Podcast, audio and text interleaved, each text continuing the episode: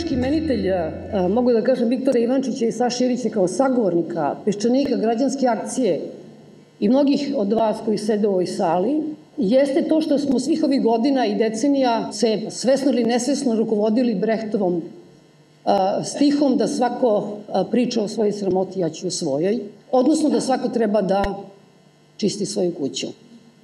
E, onda se između ostalo pojavio Oliver Frljić, koji e, ulazi iz kuće u kuću, kreće se od Slovenije do Srbije, provaljuje u kuće i pravo u ormane odakle ispadaju doslovno leševi ili pak sudbine ljudi koji su izgubili mnogo toga u ratu, ratovima 90-ih.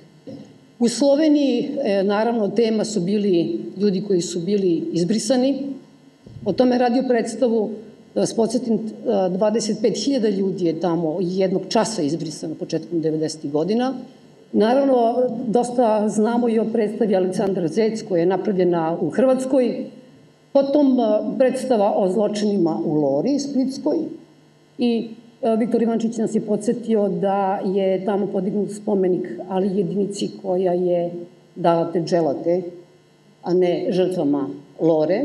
Na kraju nije zaboravio ni Bosnu i Hercegovinu, Oliver bio je i tamo i e, napravio jednu predstavu koja govori o bošnjačkom nacionalizmu. Ako smo mi, što bi rekao Sređa Popović, moram da citiram, neki kao dobri nacionalisti u smislu da mi svi brinemo o tome šta će biti u našoj zajednici, kako će se ona suočiti sa prošlošću, sa svojim kosturima, Zanima nam je tvoja pozicija. Koja je to pozicija? Ja mislim da e, mogu govoriti o samo pripadnosti u smislu kulturnog nasljeđa i tu sam definitivno Jugosloven. Ovo kad ste spomenuli na početku, e, čišćenje tih e, kuća i dvorišta, to je ono što ja radim manje više u svakoj sredini, ne dakle samo na postjugoslovenskim prostorima, nego i u drugim zemljama. Sad uglavnom radim u Europi, ja pokušam se baviti sa onim što zapravo na neki način je dio e, kolektivnog zaborava, što je potisnuto u kolektivnoj svijesti. Ja na slične probleme u, smislu napada i ovaj, pokušaja diskvalifikacije onoga što radim doživljavam i u jednoj Njemačkoj ili Austriji ili Poljskoj E, kad radim. I zapravo, to je pitanje, kad govorimo zapravo o kulturi i nekakvoj, e, nekakvom društvenom angažmanu, ja mislim da je problem da zapravo i dosta ljudi koji su meni ideološki bliski ovaj, imaju E, jedan tip građanske kulture kao normu i e, to je ono gdje nastaje nesporazum njihov s onim što ja radim. Jer oni zapravo žele vidjeti forme e, građanske kulture i tada to postaje na neki način relevantno, prepoznato i verificirano. To je ono što mene, ne zanima, jer ja mislim da već u samoj formi jednog kulturnog proizvoda je upisan jedan oblik kulturne i hegemonije u širem značenju. I to je ono što sam pokušavao, dakle, ne samo govoriti o određenim temama koje su problematične, nego pokušati naći jedan novi tip jezika. Jezik je ono što pacificira određeni sadržaj. Mi možemo reći da trenutno u Beogradu ili Zagrebu imaju E, neke predstave koje se bave nekim relevantnim društvenim temama, ali način na koji se one bave ne proizvodi nikakvu reakciju, nikakvu e, društvenu antagonizaciju. Svi se slažu da je to lijepo, ili nije lijepo i tako dalje i tako bliže. Po meni je i ovo što sam radio u Rijeci te e, nesretne dvije godine koje sam bio tamo je bio pokušaj propitivanja koncepta nacionalnog kazališta. Što je danas uopće nacionalno kazalište? To je dakle e, jedan koncept nasljeđen s kraja 19. stoljeća e, koji nastao u okviru Austrougarske monarhije. Ja sam htio ići radikalno drugačije otvoriti taj prostor kao prostor različitih manjina koje nemaju vidljivost u hrvatskom društvu u tom trenutku i ono što me dalje još zanimalo je zapravo na koji način mogu koristiti cijeli teatar kao instituciju, kao jednu vrstu performativnog e, instrumenta u širem e, društvenom kontekstu. I to je ono što većina mojih kolega, pa i nekih vrlo bliskih, nije shvatila do dana današnje. Kao super je to sve što ste radili, ali trebalo je više nekih predstava da zadržimo ovu publiku. Ja sam htio rastirati tu publiku koju sam zatekao tamo. Prvi moj uspjeh je da su ti ljudi prestali dolaziti u taj prostor i gledati e, te predstave, a onda da sam uspio e, dovesti jednu drugu publiku koja mislim da e, ima nekakva drugačija iskustva, ideje što je, e, e, što je kultura i tako dalje. Još jedna stvar e, koja je vrlo važna je zapravo da taj dominantni model kulture koji imamo u svim ovim društvima post-jugoslovenskima i šire je taj model građanske kulture koji isključuje automatski ljude koji nemaju recimo financijske mogućnosti da konzumiraju tu vrstu kulture ili nemaju jednu vrstu e, kulturalne kompetencije da razumiju taj tip recimo kazališnog jezika konkretno u mom slučaju. Moje pitanje je bilo zapravo e, s kim ja želim komunicirati. I Đinđića ovdje kad smo radili, kad su se glumci Atelja 212 ne bivali, jer to nije pozorište, neće neko povraćati na srpsku zastavu na scene. Evo bio sam sa kolegicom Krcunović prije na kavi, pa smo baš razgovarali o tome, jer ona ima stigmu još uvijek od toga kako je mogla povraća po srpskoj zastavi. Glumac glumi, a ne povraća po ovaj, e, zastavi svoje države. I to je bio pokušaj da zapravo u, okviru tog jednog kazališta koje je vrlo građansko uvedemo jedan drugačiji scenski jezik i da vidimo što će se onda dogoditi. Vidjeli smo što se dogodilo, Kokan Mladenoć na kraju je izbačen e, otamo i vidimo koliko je relevantno recimo ono što danas to kazalište proizvodi i u Beogradu, a i šire. Viktore, eh, za razliku od većine nas, eh, ti si video dosta Oliverovih eh, predstava. Teme koje on u tim predstavama nisu, kako da kažem, novo, epohalno, nešto novo. Jeste i u Feralu pisali o Lori ili o ubistvu Aleksandre Zec. Moje pitanje glasi šta je to u Oliverovim predstavama po tom mišljenju što je toliko izbezumilo hrvatsku javnost da tako ipak agresivno upućuje pretnje i Oliveru i glumcima koji su učestvovali u nekim njegovim predstavama. Postoji tih nekoliko, e, recimo nekoliko e, e, tabua ili nekih kultova pseudoreligijskih u hrvatskom društvu koji su vrlo, vrlo čvrsti. Vrlo se snažno na njima inzistira, to su, ne znam, domovinski rat, hrvatska država, hrvatska nacija i tako dalje. Ono što je, mislim, Oliver sa svojim predstavama radio je da je temeljito podrivao baš te kultove. A s druge strane, on ima taj talent, taj dar, bi rekao, da sa svojim teatarskim govorom proizvodi kritiku koja uzrokuje nelagod. Ne radi e, e, predstave koje su nekakva kritika postojećeg stanja sa e, ambicijom da se stanje kao popravi nego on potpuno dovodi u pitanje pravila igre, dakle on, on potpuno e, podriva sistem i to, to je prepoznato u njegovim predstavima kao skaredno. Dakle, nekakva njegova temeljna poetika u smislu tih kultova jeste blasfemija u stvari. I to radi malo ko. Malo ko e, e, i u novinama i u kulturi, u području umjetnosti proizvodi kritiku koja izaziva nelagodu.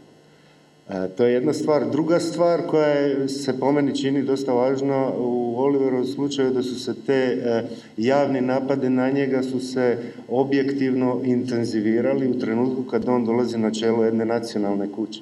Kao on bi mogao biti i onako e, tretiran malo na drugačiji način da se bavi alternativnim teatrom na nekim skrajnutim mjestima, na nekoj margini, pa bismo ga i prešutjeli ili ovako ali on je, e, e, da tako kažem, zauzeo jednu nacionalnu instituciju, a pritom ima tu gestu da on nije od tipova koji se, kao većina drugih, koji će se adaptirati u toj instituciji, koji će prilagoditi se e, nekim normama te institucije, nego je on odlučio da tu instituciju prilagodi svojim umjetničkim namjerama, da tako kažem.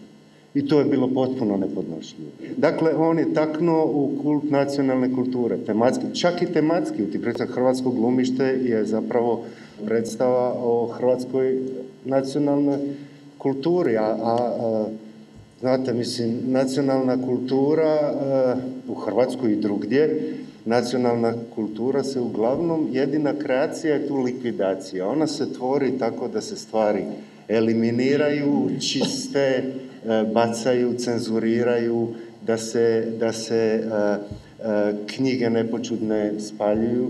Prvobitna konzumacija državnosti u Hrvatskoj je bila uništavanje 14% knjižnog fonda iz hrvatskih biblioteka. Dakle, neke procjene govore o uništavanju 2,8 miliona knjiga koje su proglašene nepočudnim zbog toga što su uglavnom e, štampane u Srbiji ili su na Čirilici e, ili su od e, srpskih izdavača ili su ne znam, na ekavici. Dakle, prijebljeni, jel? I onda se taj bastion nacionalne kulture tako čuva. Jel? A Postoji ona, ona, ona predrasuda da, da, da, da je, kao kultura je samo po sebi neka neutralna činjenica, ona se uglavnom zloupotrebljava. Ono, na samom početku 90-ih, ja znam kad je e, krenuo snažni revizionistički zamah oko Jasenovca. Tad vam je ovaj, akademik e, e, Nedeljko Mihanović, koji je u to vrijeme bio i predsjednik Sabora, njegova je teza bila otprilike nije taj Jasenovac bio tako strašan jer smo mi tamo, jer je tamo u to dobu izvođena opereta Mala Florami. I to je, e, to je bio zaista njegov vrlo ozbiljan argument koji je pritom bio i laž, ali mislim nije sad bitno to što je laž, nego taj argument proizlazi iz te pogrešne pretpostavke, potpuno e, krive pretpostavke da su e, kultura i nasilje nešto inkompatibilno da oni negiraju jedne druge. Prema tome imali smo u Jasenovcu, ne znam, E, višak kulture, što bi značilo da je tamo bio nekakav manjak nasilja. Stvari su upravo obratne. Jer šta, na primjer, da se zaista izvodila ovaj, e, mala florami e, kao što nije, ali šta da jeste, po čemu bi to e, imalo dokazivati e, ovaj, da je jasanost bio humaniji nego što je. Naprotiv, bio vjerovatno ta cinična nota bi bila e, dodatni, dodatni ovaj, element nasilja na to su stvari koje, je Oliver tako temeljito pretresao u svojim predstavama da, da, da oni to nisu mogli pojeti, Dakle su ga, mislim, i iz zemlje. Oliver je samo dva. Ti si naš, pa možda sad čekaš malo. Oliver, samo e, dva kratka pitanja. Podsjetilo me to kad ste e, bili intendant u e, Rečkom pozorištu ovaj, dve godine, otprilike, koliko se sećam. Prvo, mi smo ovdje bili ljubomori zbog toga što kod nas je nezamislivo da je pozorište tako veliko i da država iz svog budžeta finansira predstave koje su tamo radili. To je u Srbiji praktično nepojemljivo. Ali podsjetilo me da u stvari na Vučića mislila sam da ga ne pominjem, ali e, jedno vreme je uh, takozvana međunarodna zajednica bila uh, prilično oduševljena sa Sanaderom. Tretirali su ga kao reformatora i vi ste nas podsjetili da u stvari on bio tada neko zlo dobi intendant u Riječkom pozorištu kada je... U Splitskom, u Splitskom. U Splitskom, pardon, mhm. kada je zapravo etnički očišćen taj ansambl. Sam dobro razumela? Je, Ivo Sanader nikad nije mislio ozbiljno e, biti intendant. Meni su rekli glumci da je on, kad je došao tamo, on je išao nakon toga u diplomaciju, ja mislim. Ali je etnički očistio... E, Splitski HNK i to nešto malo Srba što je ostalo tamo su imali problema i nakon što je on ovaj, otišao, imali su oni problema i prije njegovog dolaska tu ovaj, i e, meni je zapravo i ta činjenica bila zanimljiva kad smo radili predstavu Bakhe dole, jer sam htio na neki način otvoriti i progovoriti o svojim iskustvima u Splitu u prvoj polovici 90-ih. to predstavlja je o Lori. Ona u jednom dijelu govori e, o, logoru e, Lora. Međutim, o Lori se u Splitu to vrijeme znalo. Svi su manje više znali, osim Ferala i još možda nekih par medija koji su sporadično pisali. O tome nije bilo nikakvih e, zvaničnih informacija meni je bilo na neki način važno konfrontirati taj grad ponovno s tim, dakle, ali u jednom drugom e, mediju, kažem, o tome već i, vi ste rekli, sve stvari o kojima ja govorim su opće poznate e, U bojstvu Aleksandre Zec, zna se ko je to napravio, postoje materijalni dokazi, niko nikad na kraju nije ovaj, procesuiran zato. E, Lora, cijelo to suđenje e, prvo je bilo farsa e, što je sudac Lozina izvodio u to vrijeme ovaj, koji je čestitao na početku suđenja Hrvatskoj nogometnoj reprezentaciji, mislim s time otvarao ovaj s druge strane, e, ovo o čemu je Viktor govorio e, malo prije, to ni na koji način nije bilo reflektirano u recimo nekim kazališnim produkcijama. Činjenica da je država utemeljena i na jednoj vrsti kulturocida, Dakle, spalili smo knjiga po svoj prilici više nego e, nacisti e, tridesetih 30. godina, e, onda protirali smo sve ljude koji su etnički bili problematični pod navodnike iz institucija. Pogledajte što se dogodilo Miri Furlan koja je imala tu nesreću da nije htjela pristati uz jednu nacionalističku eh, paradigmu u kulturi ili ono što se događalo sa Raditom Šerbeđijom i cijeli niz drugih. Pero Kvrgić, e, trebate vidjeti intervjue e, e, i napade u Globusu ovaj, iz tog vremena.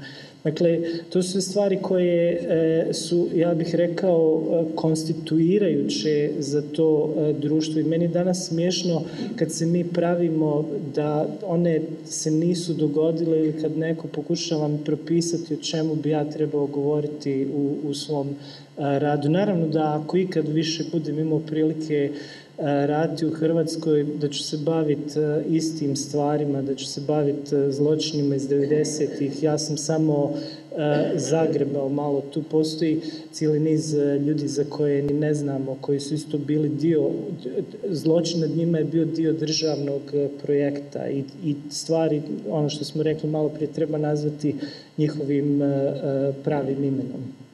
Dakle, Viktor je rekao jednu, jednu bitnu stvar za rad Olivera Frdića. Dakle, on je došao u nacionalnu instituciju i u toj nacionalnoj instituciji je počeo da radi stvari drugačije od onog e, dominantnog načina mišljenja rada, e, poimanja uopšte nacionalne kulture i institucije i njene funkcije u njoj. Sreten Ugričić je došao u nacionalnu biblioteku 2001. godine Vodio je tu instituciju deset godina, e, vodio proces modernizacije, rekonstrukcije i tako dalje. Mislim da, da je ta njegova krivica koja mu je prilepljena tokom tih deset godina bila pre svega zbog toga što je on došao kao jedan e, naivni ideološki subjekt koji je poverovao da će e, reformističke elite političke u Srbiji zaista sprovesti reformu i koncept e, suočavanja sa prošlošću i svega ostalog, što je bilo dominantno na samom početku. I nakon atentata je nastavio dalje u tom pravcu i to je išlo dotle da su počele e, aktivne kampanje i rubrike koje su se otvarale u medijima i koje su pratile svaki njegov korak. Zanimljivo je da Sreten Uličić počinje svoju karijeru u nacionalnoj biblioteci, Narodnoj biblioteci Srbije, kao neko ko dolazi iz fonda, Soroševo fonde, to je prva stigma koju nosi, druga stigma je da je Ustaša, treća stigma je da je uništio srpsku kulturu, četvrta da je e, biblioteka doživjela, preživjela holokaust, ali njega nije, i da je on na samom početku e, se uključio u e, dijalog o recentnoj prošlosti on je bio u Vukovaru na konferenciji i napisao je e, taj tekst Kriv sam, tako počinje njegova, e, njegov javni angažman kao e, direktora institucije nacionalne. I uopšte njegovi istupi, njegovi ti kratki eseji, programski tekstovi, tekstovi koje čita za vreme nekih godišnjica, koji su vrlo važni, oni su sada isparili, mi se više ne sećamo toga, ali ako se vratimo i pročitamo te kratke tekstove i vidimo kako on vidi e, modernizaciju kulture, transformaciju e, nacionalne institucije, kakva je biblioteka, e, kakav je njegov odnos prema zločinima, prošlosti, shvatamo gde se pojavio taj klinč i zbog čega je on na tako jedan brutalan način izbačen iz E, te institucije izbače na kraju krajeva iz ove kulture. Tu se vidi još nešto, a to je kakva je pozicija kulture e, u Srbiji i taj pomak od istorijskog nasilja i vojnog nasilja koje se prenelo u samu kulturu. I on je prosto vinovnik e, aktiviranja nasilja u kulturi koje počinje da se koristi kao dominantna politika. Ispod Vučića i njegove dakle od memoranduma koji se bavio e, pitanjima kulture, Čirilice, srpske književnosti, e, duhovnih e, granica i, i srpskih duhovnih prostora, mi imamo jedan tragičan kontinuitet zapravo.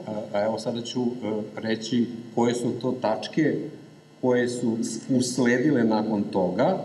Nakon 2000. godine svakako srpski duhovni prostor, koje su napisali Ekmečić i Dobrica Ćosić, programski tekst e, Bosanski rat Dobrice Ćosića e, i jedan od ključnih tekstova Duh samoporicanja e, Mila Lompara, pokušaj velike sinteze ovih matrica koje su postojale, da bi se došlo do ovog trenutka kada je na čelu Ministarstva kulture Vladan Vukosavljević čovjek koji u životu objavio samo jedan tekst taj jedan tekst je zapravo predgovor za zbornik sa srpskog stanovišta. On je, radeći u tom Ministarstvu kulture, doveo do toga da se oblikuje još jedan programski tekst koji je sinteza ovih linija koje postoje u, u ovoj kulturnoj matrici, a to je strategija razvoja kulture. Dakle, vidi se sve ono što je bilo na samom početku. Dakle, e, i Čirilica, i odnos prema susedima, i odnos prema Kosovu, i odnos prema nacionalnim institucijama, i odnos prema kulturi, i odnos prema sili, i odnos prema granicama, i odnos prema Kosovu, i tako dalje, i tako dalje. Dakle, e, mi imamo taj e, vrlo jak kontinuitet koji je samo imao promenu maske tokom nekih perioda, a nakon 2012. godine imamo otvoreno programiranje i e, restauriranje tog, tog koncepta.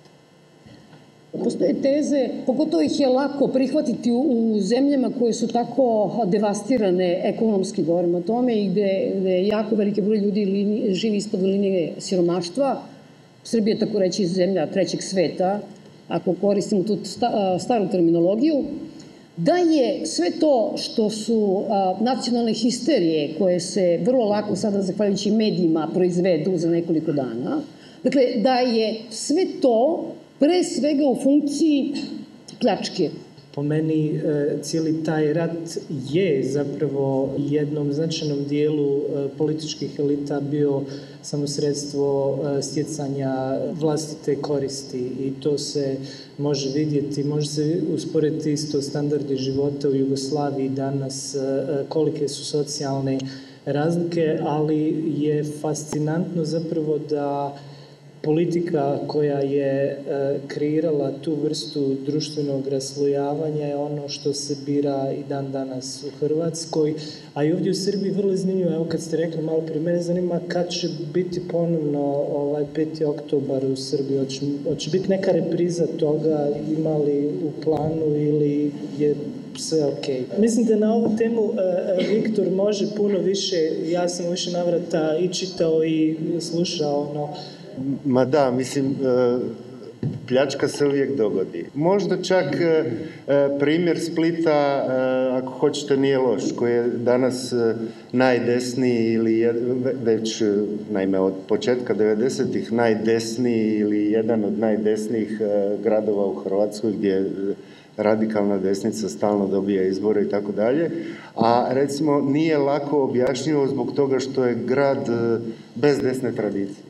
Mislim, Split je bio partizanski grad, u Splitu su postojale za vrijeme rata četvorica Ustaša koje je zajebavao cijeli grad. Mislim, uopće e, nema tu vrstu tradicije. Međutim, šta se desilo i to postoji kao jedna moguća paralelna priča. Split je bio omiljena zadnja prekomanda za e, e, profesionalce u, u bivšoj JNA. I nastala su tako godinama E, čitava naselja gdje su e, penzionirani zastavnici išli u penzije, srodili se s gradom, života. Na samom početku 1991.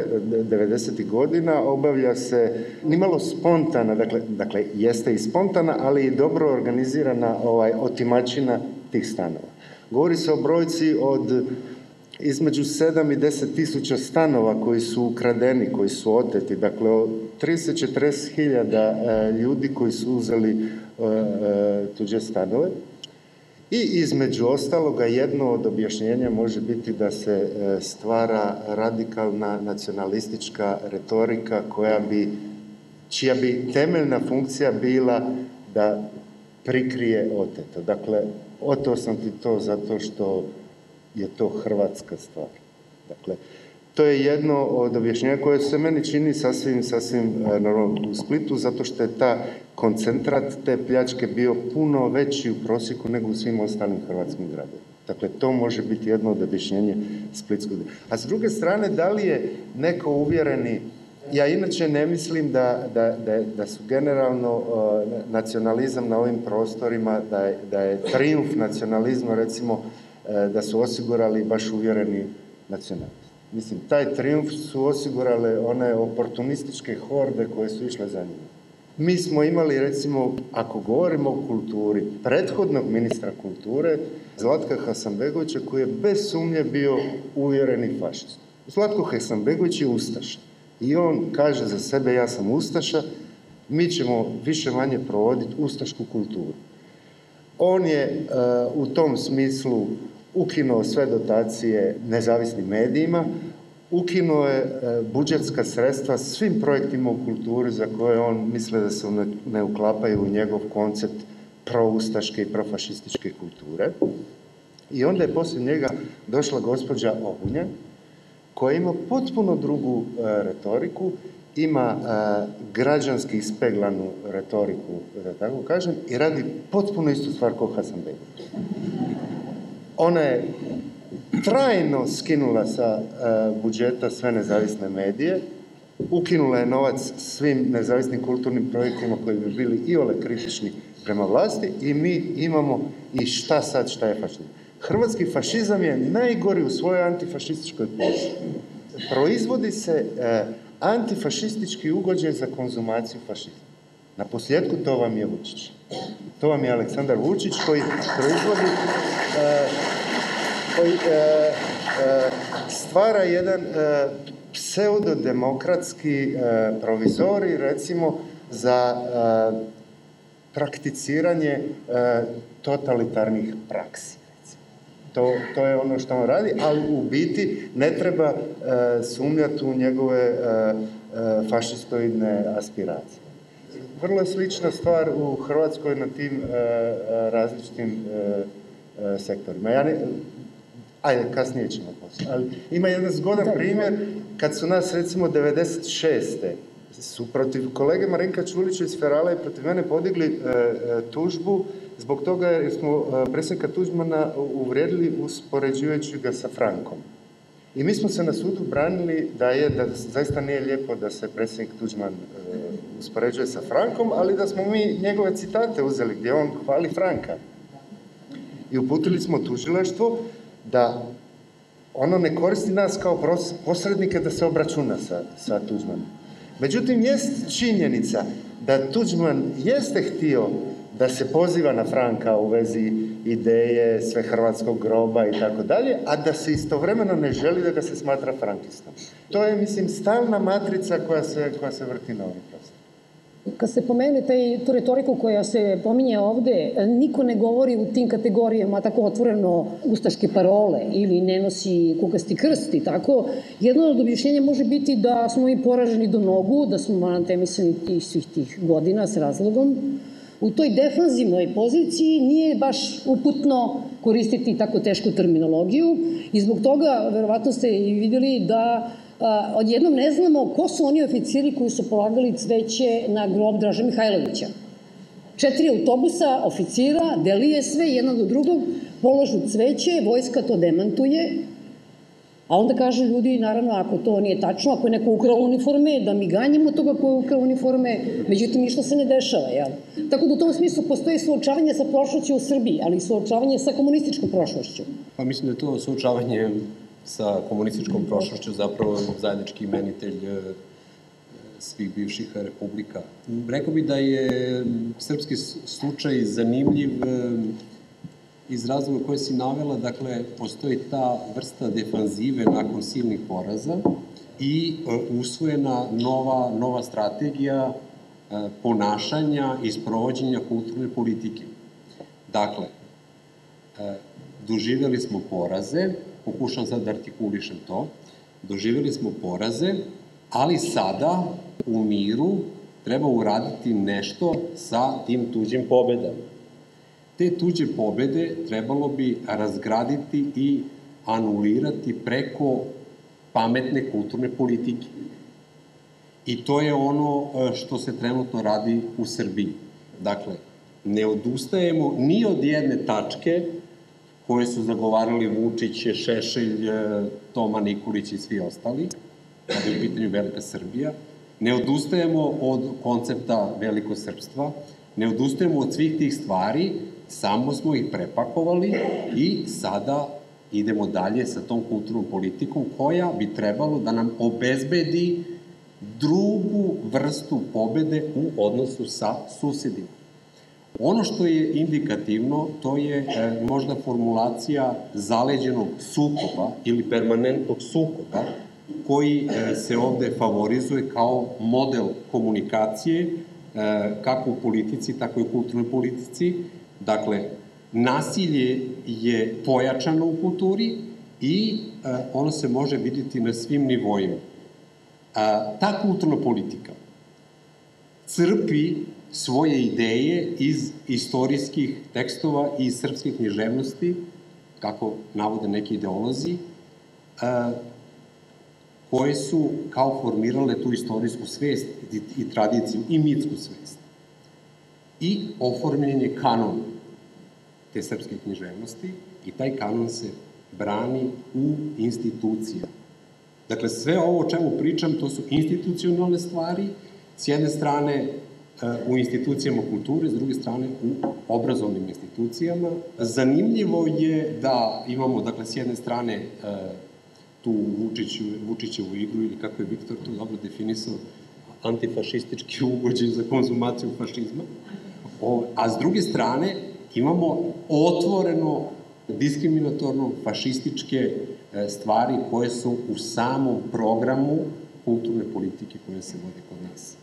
Mi smo ovdje uglavnom upoznati koliko je to naravno moguće s obzirom na kvalitet medija, ne samo na njenu ovaj, slobodu, o Viktoru Orbanu, odnosno o tome što se dešava u Mađarskoj, i možda ste, verovatno ste videli da je posle 35 godina fundacija Đorđa Soroša odlučila da mora da napusti Mađarsku, jer su u pripremi zakoni koji se zovu Stop Soros, je tako to kolokvijalno, ali i doslovno, pošto je on bio stalna meta u predizbornim kampanjama Viktora Orbana. A pre dva, tri meseca u zemlji koju ste vi dosta radili i imali dosta neprijatnosti, Olibere, u Poljskoj donet je zakon koji je potpisao i poljski predsjednik Duda, po kome vi zaista možete lako da odete u zatvor ako odete u tu Poljsku, a to je dakle da svako ko javno poljski narod ili poljsku državu dovodi u vezu sa genocidom nad jevrejima, može da završi u zatvoru do tri godine. Ja moram reći, nakon premijere predstave Kletva u Varšavi mi smo imali napade sa svih strana, sve je inicirano od strane nacionalne televizije koja je e, nezakonito e, snimljen insert iz predstave pustila u opticaj i nakon toga je krenula cijela ta histerija. E, glumica Julija Višinska koja igra u mojoj predstavi koja je imala već snimljenu e, seriju za nacionalnu televiziju dobila je obavijest da ta serija se neće prikazivati kraj priče. Dakle, tu priča nije naravno stala i ja sam iste te godine bio kurator e, Malta festivala u Poznanu i to je festival gdje se daje program naprijed, aplicira se na, za nekakva sredstva i moje ime je bilo tamo već 2015. ja mislim ili 16. ne znam ta sredstva su odobrena, međutim, nakon svega što se dogodilo u ovom teatru, e, Piotr Glinski, ministar poljske kulture i ne znam još nešto vrlo je zanimljivo nasljeđa uz kulturu, tako se ministarstvo zove, je rekao da neće isplatiti ta sredstva. Dakle, on je prekršio ugovorne obveze bez ikakvih problema i tu priča isto dalje nestaje. Mi smo bili jedan od rijetkih festivala u Poljskoj koji se usudio pozvati, predstavno na gostovanje, je bio festival iz Vroclava Dialog, oni su rekli da će prodavati karte po jako visokoj cijeni kako ne bi ništa uzeli od novca koje im je dodijelilo Ministarstvo kulture. Dakle, pokušali su se zaštiti na taj način i karte su stvarno koštale kao za nekakav rock koncert iako je predstava rasprodana odmah i nisu dirana sredstva koja su dobili od ministarstva, Glinski im je e, uskratio e, financijska sredstva za tu godinu. A ovo na što ste se referirali e, ranije, dakle ta predstava koju sam u Kraku radio 2013. o poljskom antisemitizmu, meni je bilo jako zanimljivo, tadašnji direktor tog teatra, Jan Klata, koji sad u Njemačkoj predstavlja kao veliki disident i tako dalje, on je cenzurirao tu predstavu. Ja se sjećam e, jedne probe gdje on se pojavio, mi smo pokazali 20 minuta materijala i bila je u prvom sceni su se glumci predstavljali i rekli su da od tog trenutka dalje nisu više Poljaci nego Židovi. Oni vide tih 20 minuta nemontiranog materijala i zabranio je ovaj e, e, predstavu. Isto ono što mi je bilo fascinantno u centru Krakova, dakle gdje je židovska zajednica istrijebljena i ono što je preživjelo drugi svjetski rat je 68. E, počišćeno. U centru grada je bio grafit židove u plinske komore. Dakle, ljudi gotovo pa ne postoje u toj zemlji. I sad ovaj zakon je vrlo zanimljiv. Ja sam dobio poziv od istog teatra u kojem sam radio kletvu da radim upravo predstavu koja bi se bavila e, tim zakonom i sad moram napraviti odluku po pitanju toga jer vrlo izvisno na kraju ja već imam mislim e, dvije istrage koje idu u Poljskoj protiv mene i mojih predstava ovo bi bila treća i kad bi sve to se skupilo na kraju bilo bi nekih devet godina zatvora tako da ću vidjeti ovaj Viktore, e, u posljednjih e, nekoliko mjeseci do nas je ovdje doprlo nekoliko vesti za koje nikad ne, znate, nikad ako ne znate situaciju, da li su to neke manje skupine ljudi, koliko je to ozbiljno, a to je inicijativa te grupe građana da se menji izborni zakon. Glavna tačka je naravno da se e, predstavnicima manjina uskrati pravo da glasaju o poverenje vladi i o državnom budžetu. Zatim to je inicijativa da Hrvatska ne ratifikuje Istanbulsku konvenciju i unazad kad se vratimo, to je ova deklaracija o zajedničkom jeziku. Suština je u, u tome e, da se najprije smanji e, broj predstavnika nacionalnih manjina u Saboru, a zatim da im se e, da im se onemogući, da mogu glasati o svemu, ali da im se onemogući da glasaju o povjerenju vladi i državnom budžetu. Dakle, dvije najvažnije stvari koje, koje samo. To je e, podmetnuto kao klasična diskriminacijska članak koji bi e, trebao onda da uđe u, u ustav, izborni zakon i gdje već. Ja uopće nisam siguran da, oni neće skupiti ovaj, e, potpise i da se referendum neće. Za sad, Time bi se naravno na neki način formirali saborski zastupnici prvog i drugog reda, dakle, dakle jedan, ali e, interesantno je to da ima kritike, ima kritike e, toga u, ne znam, čak i u medijskom mainstreamu i tako sve, ali nema neke unisone, niti ima inicijativa koje bi, koje bi pokrenuli stvar na način da se to tako nešto proglasi e, protuzakonom. I to je dio, se, e, dio te, te, tih aktivnosti koji traju zadnjih e, par godina koje se obično onako terminološki svrstavaju u neku konzervativnu ovaj, revoluciju ili kontrarevoluciju koja treba se koja je e, stalno dirigirana zaista većim dijelom od katoličke crkve u Hrvatskoj. Međutim, čak i kada prividno Eh, jeste u, u, u konfliktu eh, s vlašću kao što je slučaj sa ovom drugom, dakle oko Istanbulske eh, konvencije, zapravo dugoročno rade na istom cilju. A što se tiče ove prave histerije, koju bi ja rekao, koja je nastala nakon, nakon deklaracije o zajedničkom jeziku, to je, to je bila ovaj, od početka 90-ih traje agresivna bitka za ekskluzivizam cijele nacionalne kulture, a posebno za ekskluzivizam e, hrvatskog jezika kao e, esencije, kao bit te, te kulture. Rodonačelnik toga u nekom smislu je bio opet Tuđman sa svojom knjigom e, bespuća povijesne zbiljnosti koja je štampana prije nego što je on došao na vlast, dakle 90. godine, a koja e, vrzbi tim izrazima sveudilna zlosilja, e, zločimbene činitbe e, i tako.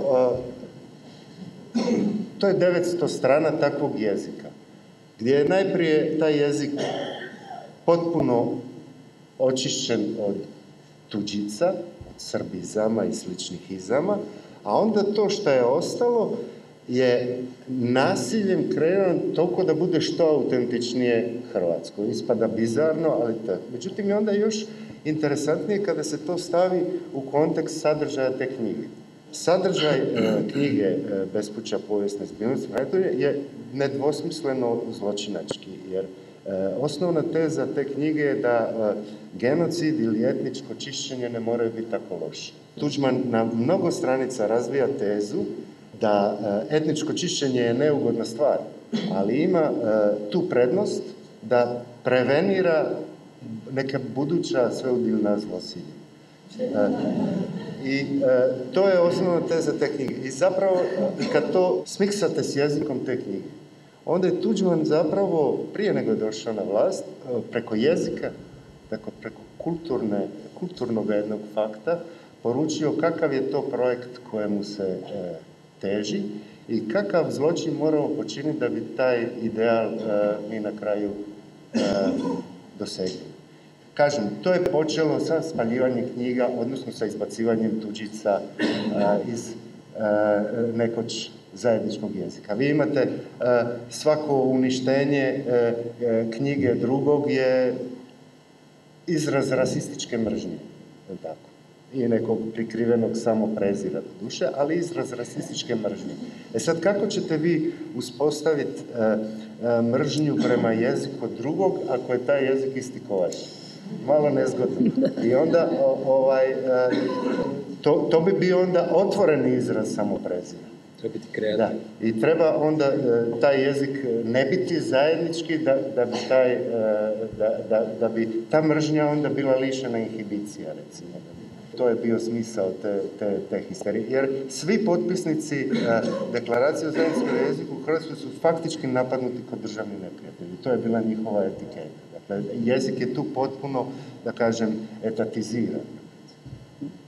Ali da sam da kažete nekoliko reći o ovoj predstavi koju ste poslanje uradili u januaru, mislim negde početkom 2018. E, godine, to je ustaška svadba u stvari neka, da. tako, jel da? I zašto ste izabrali te likove? E, jedan od tih likova obskurnih, mi ga ne znamo, taj koji, čija je glavna svadba, Njega, njega ne znamo baš Ne da. Pa Velimir Bujanac je e, jedna osoba koja je prisutna na toj ustaško-medijskoj sceni od skoro samog početka 90-ih. Zanimljivo da ste postavili to pitanje jer sam danas dobio nekakve nezvanične informacije. To je predstava koja je rađena u jednom gradskom kazalištu u Zagrebu po svoj prilici grad Zagreb pod pritiscima Zlatka Hasanbegovića neće isplatiti sredstva koja je trebao isplatiti za realizaciju te predstave. Na samom početku riječ je o Pirandelovom tekstu, šest likova e, traži autora i ono što sam ja napravio je zapravo da ta predstava koju oni uvježbavaju je zapravo svadba Velimira Bujanca na kojoj su se pojavili manje više sva najveća imena našeg javnog života života, dakle Zlatka Hasanbegovića, njihov znanstvo datira odavno, dakle vidjeli smo onu sliku ovaj, sa Splitske rive gdje su se e, Hasanbegović, e, Bujanec, e, Zoran Krivić i još neki obskurni likovi slikali sa ustaškim kapama i bila je cijela ta E, afera oko toga gdje je na kraju pojeo Vuk Magare. Onda e, na toj istoj svadbi se pojavio e, ličko biskup Mile Bogović, Zlatko Mamić, dakle, neizostavan i Željka Markić, dakle, naslovno lice, odrubio ime obitelji. Ja sam mislio da u tom trenutku, u tom kontekstu i u satiričkom kazalištu kojem sam radio, stvar treba postaviti upravo tako, imenovati jednu vrstu društvene hipokrizije. Mi se svi pravimo kao da ti ljudi nisu bili na svadbi čovjeka koji ispisuje u Hrvatskoj svaki tjedan medijske eh, potjernice. Dakle, kad vas Velimir Bujanec obradi u emisiji, onda možete sutradan na ulici već e, očekivati vrlo konkretne ovaj, reakcije nacionalno napaljenog e, puka. Ja mislim da zapravo sa tom predstavom je negdje moja karijera u Zagrebu stvarno završena. Mislim da je ok da na neko vrijeme ili me stalno nema više tamo jer u ovoj nekoj konstelaciji ljudi koji, evo ja sam baš e, u intervju za danas, prije, ne znam, kad je izašao dva dana, govorio o, kolegi e, Mikiju Manojloviću koji je, spominjem opet Vučića, meni je žao, ali nekako sloni u sobi, moramo ga imenovati. On je bio dakle na toj e, svečanoj večeri koju je Kolinda organizirala za Aleksandra Vučića. Po meni je to, e, ja bih rekao, i ljudski, ali i umjetnički poraz biti tako blizu vladarskih skuta, onda radite ovdje Romea i Juliju. Dakle, to je, zapravo reprodukcija te jedne e, e, šizofrenije koja je djelomično odlika i Vučićeve politike. I još bih se samo htio nadovezati na ovo što je ranije bilo govoreno. Saša je govorio o tome ta jedna politika, ti si Saša nazvao e, tihog e, e, zaleđenog sukoba, to je zapravo kultura je bojno polje na kojoj se taj, u velikim dijelom zaluđeni sukob vodi. Evo, ako pogledamo, dakle, mi smo 90, početkom, 99. ne početkom, dakle, kad je HDZ konačno izgubio u Hrvatskoj, imali film koji je napravio Jakov Sedlar, dakle, to je, neki su govorili da je to, eh, ono, propagandni spot za HDZ red, gdje on na neki način pokušao amnestirati NDH kroz jednu vrstu političke beatifikacije ljudi koji su završili u, na Blajburgu. Pitanje je zašto su tamo, koja je politika dovela do toga. Mislim da stvari treba raščlanjivati na taj način. Ovdje se dogodila serija Ravna Gora, koja je isto radila na rehabilitaciji četničkog pokreta i nakon toga su se dogodile sve ove presude koje su amnestirale ovaj, e, pojedine domaće izdajnike. Tako da očekujem da će ta moda, mislim, mi se bavimo sad e, blažnim malojzijem stepincem, ali mislim da bi se moglo proširiti ova moda iz Srbije, da bi moglo biti e, još više političkog amnestiranja i u Hrvatskoj. E, evo, malo prije e, Oliver rekao da misli da su mu vrata u Hrvatskoj zatvorena posle ove predstave, ove ustaške svadbe tamo, ali je dosta toga uspeo da uradi u ovih godina u Hrvatskoj. Zašto misliš ti da je ovde situacija takva da je to prosto nezamislivo? Ono što sam rekla na samom početku, nezamislivo da jedan grad kaže Oliver Frniću, evo izvoli novac, evo izvoli resurse države, tako da kažem da napraviš jednu predstavu. Ovde je proces marginalizacije i učutkivanja, čutanja mm. e, pre svega, najvažniji mehanizam borbe protiv e, alternative. Dakle, neko može da uradi predstavu ne znam kako. Može da napiše Roma ne znam kakav. Može da napravi performans ili bilo šta drugo. On jednostavno e, mora biti prečutan i u takvoj atmosferi raditi E, subverzivne stvari, biti izvan sistema, to je kao kad radite u gluvoj sobi. Pravite nešto, pišete, nema odgovora, nema, nema odjeka. E, niko nikog neće politi kofom govana kao Antu Tomića u Splitu. On je napisao nešto i njemu se to, to događa. Dakle, reakcija je očigledna i brza, ovde je to perfidnije, na neki način i opasnije, ovaj, ali to se, to se neguje i dan danas. Svi smo mi šokirani, pogotovo posle poslednjih izbora, kako odjednom imate utisak da, da je masovna predaja nastala. Ovo ovaj će dugo, ovo ovaj neće otići, drugo pamti, ima, ovaj, mozak mu radi na taj način.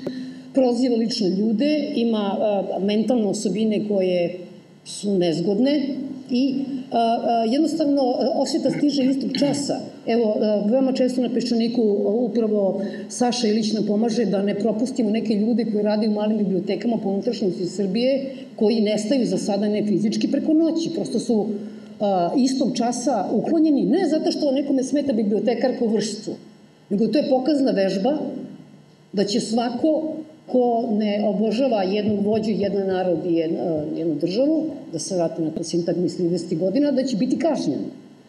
Da li može da se govori tako rasprostranjenom strahu u Hrvatskoj, Viktore? Može. Može. Pa mislim, on je, kako bi rekao, on je, on je vezivno tkivo toga društva taj novinarski, recimo, mainstream ili taj centralni medijski pogon je zapravo, mislim, disciplinira se već skoro 30 godina i on je sad zaista klimoglavo ovaj, poslušan. Domoljublje je recimo u tom središnjem medijskom pogonu upisano kao e, e, profesionalna novinarska obaveza. Uz onih 5W što morate imati u novinskoj vijesti morate imati i domoljubnu intonaciju. I to je, tako stvari, mislim, funkcioniraju. Protiv toga se treba boriti. Mi se borimo svi na različite načine sa raznih marginalnih pozicija, ali jeste. To je već uh, uh, uh, uhvatilo maha ono. bio sam u nekoliko navrata sa ravnateljima kazališta koji su isto rekli mi bi radili s tobom, ali to da te imamo ovdje je već podrška onome što si radio prije i tako dalje. Po meni je isto bilo veliko pitanje ono što napraviti u toj e, situaciji, ovo e, sa koje pozicije djelovati u toj nekoj e, kulturi straha, da li E, raditi na nekoj vrsti automarginalizacije koja će mi pomoći da zadržim neki minimum dosljednosti ili ići u instituciji i koristiti te institucije, upravo ovo što si rekao, dakle, e, Prva predstava koju sam radio u Ateljeu 212 ovdje bila je Otac na službenom putu, svi su to voljeli, to je najnagrađivanija predstava u istoriji tog teatra ona je omogućila da onda se napravi Zoran Đinđić koji je proizveo po meni značajan šum ovaj, e, u kanalu i ja zapravo cijelo vrijeme igram tu jednu vrstu igre sa tim institucijama, e, pokušam ih uvjeriti da zapravo sam ja jedan od njih, da dijelimo isti sistem vrijednosti i tako dalje. U onom trenutku kad ulazim, to se dogodilo i sa rijekom na određen način, u onom trenutku kad jesam već u instituciji, onda zapravo radim ono što e, mislim da treba raditi. Jer mislim da je pitanje jedne vrste kulturnog rata koju trebamo voditi, ideološkog i kulturnog, ovaj, ali te dvije stvari se ne isključuju. Zašto bih ja prepustio institucije koje i sam financiram kroz poreze koje plaćam Begoviću i sličnima. Vi ste veoma jasno stavili do znanja da ste spremni da radite predstavu o Aleksandru Vučiću, ali da iz Beograda nema ni pisma ni razglednice, da nema, da nema nikakvog odjeka. Da. A zašto biste radili predstavu o njemu? Pa radio bi zato što bih... E, e, imaju dva razloga.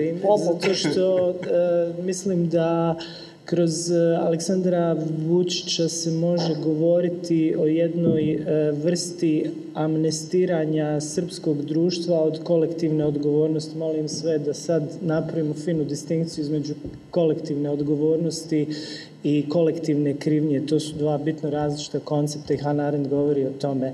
Dakle, e, upravo ono što Vučić radi danas, e, radi e, i značajan dio srpskog društva koji je koji i tekako ima odgovornost za ono što se događalo u 90-ima, ako ništa drugo, zato što je pasivno promatrao što se događa i držao Miloševića tamo gdje ga je držao. To je dakle ono što mi je jako zanimljivo ovaj, e, u tom kontekstu. Ja sam rekao mogu ponoviti ovdje, ali to je ono uh, e, uzaludan ljubavni trud. Spreman sam te novce, evo nek uprava bilo koje kazališta u Beogradu kaže e, za bilo kakve humanitarne svrhe moj honorar dakle dajem i obećajem mada sad u, tom nekom e, hipotetskom e, projektu da će i moj suradnik sve svoje honorare dati evo javno izrečeno pa ako se neko osuđuje vidjet ćemo